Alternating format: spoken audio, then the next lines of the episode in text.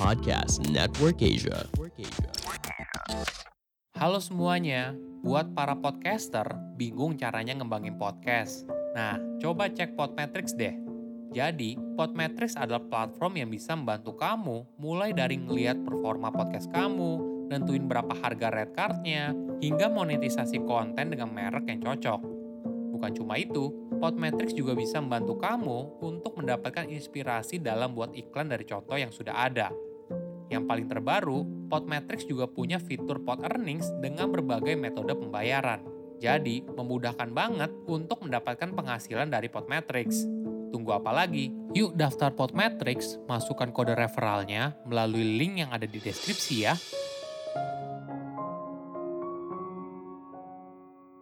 Jangan ragu atas pencapaian yang kamu miliki hingga saat ini. Halo semuanya, nama saya Michael. Selamat datang di podcast saya, Sikutu Buku. Kali ini, saya akan membahas soal impostor syndrome. Pernah nggak kamu merasa nggak pantas berada di jabatan sekarang? Kalau kamu hanya beruntung saja bisa sampai di posisi tersebut. Kamu selalu merasa takut kalau suatu saat orang lain akan sadar kalau kamu adalah penipu. Jika kamu pernah merasakan hal ini, kamu tidak sendirian.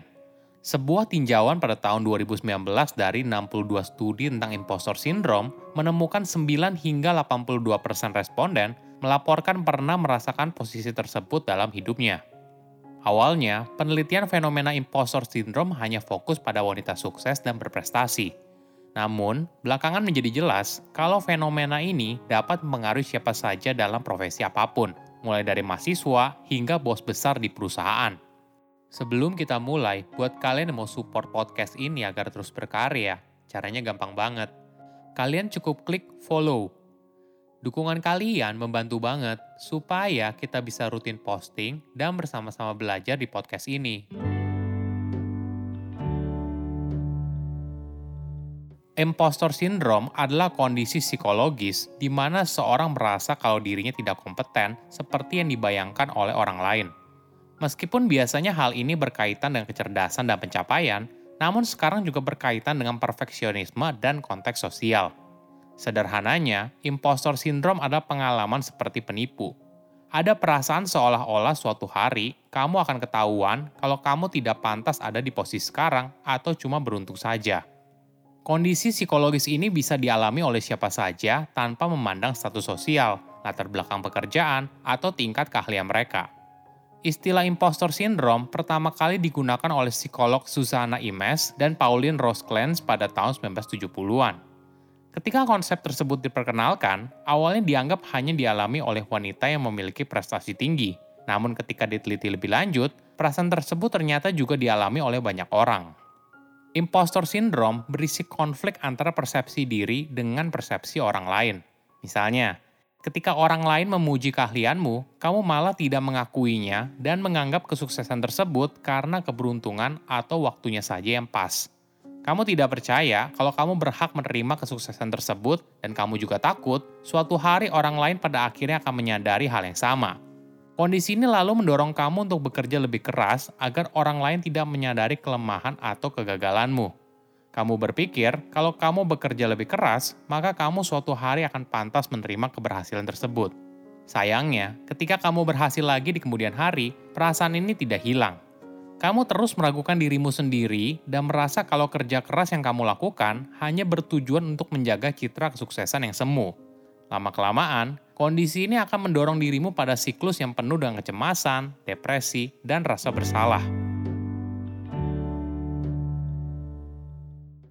Dilansir dari buku yang ditulis oleh Dr. Valerie Young pada tahun 2011, ada lima tipe impostor. Pertama, the perfectionist.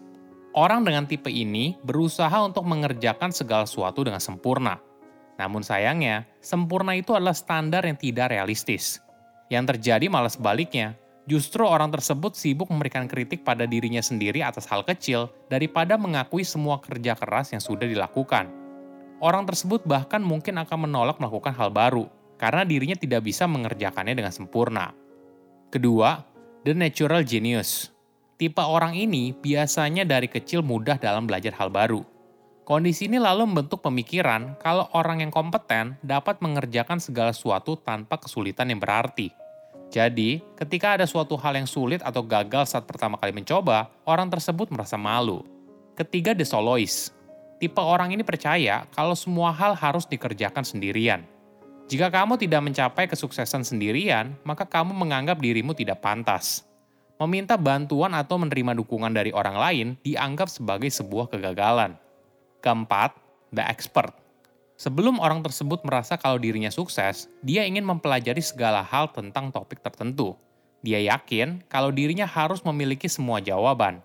Perasaan kalau dirinya mungkin adalah seorang penipu muncul ketika ada pertanyaan yang tidak bisa dijawab atau menemukan beberapa informasi yang terlewat.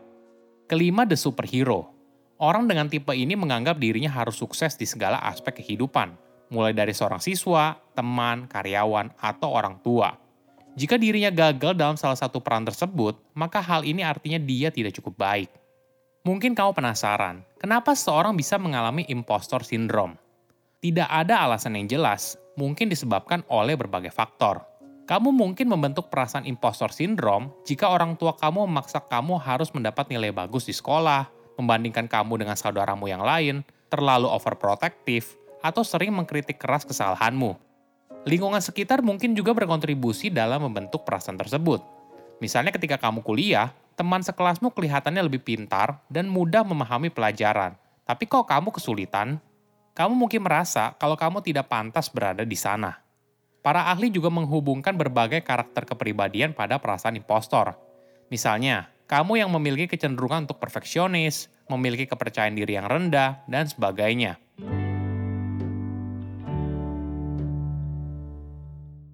Jika kamu merasa seperti penipu, bekerja lebih keras untuk melakukan hal lebih baik mungkin tidak banyak membantu. Dikutip dari healthline.com, ada beberapa cara yang bisa membantu mengatasi impostor syndrome. Pertama, akui perasaanmu. Semua dimulai dari kamu mengakui kalau kamu pernah merasakan impostor syndrome. Kamu bisa berbicara dengan teman atau orang yang kamu percayai. Kegiatan ini bisa membuat kamu merasa lebih baik.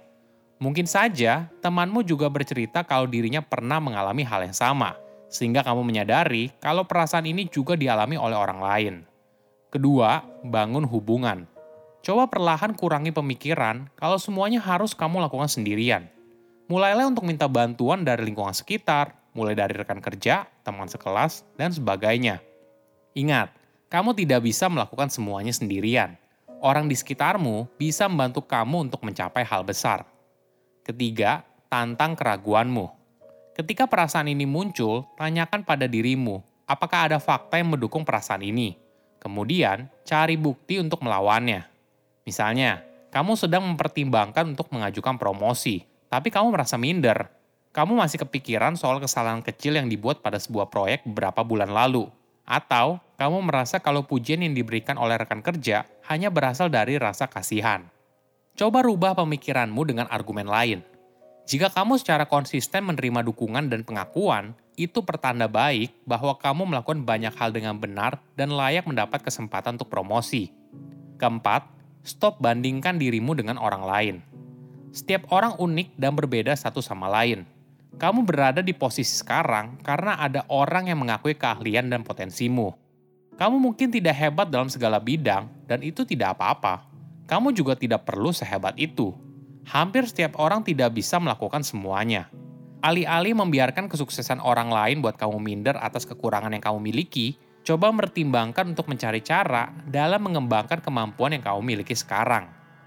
Jangan ragu atas pencapaian yang kamu miliki hingga saat ini. Hargailah kerja keras yang kamu lakukan hingga kamu berada di posisi sekarang. Saya undur diri, jangan lupa follow podcast Sikutu Buku Bye-bye.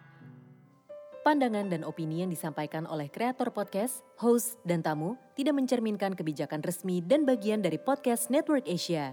Setiap konten yang disampaikan mereka di dalam podcast adalah opini mereka sendiri dan tidak bermaksud untuk merugikan agama, grup etnik, perkumpulan, organisasi, perusahaan, perorangan, atau siapa pun dan apa pun.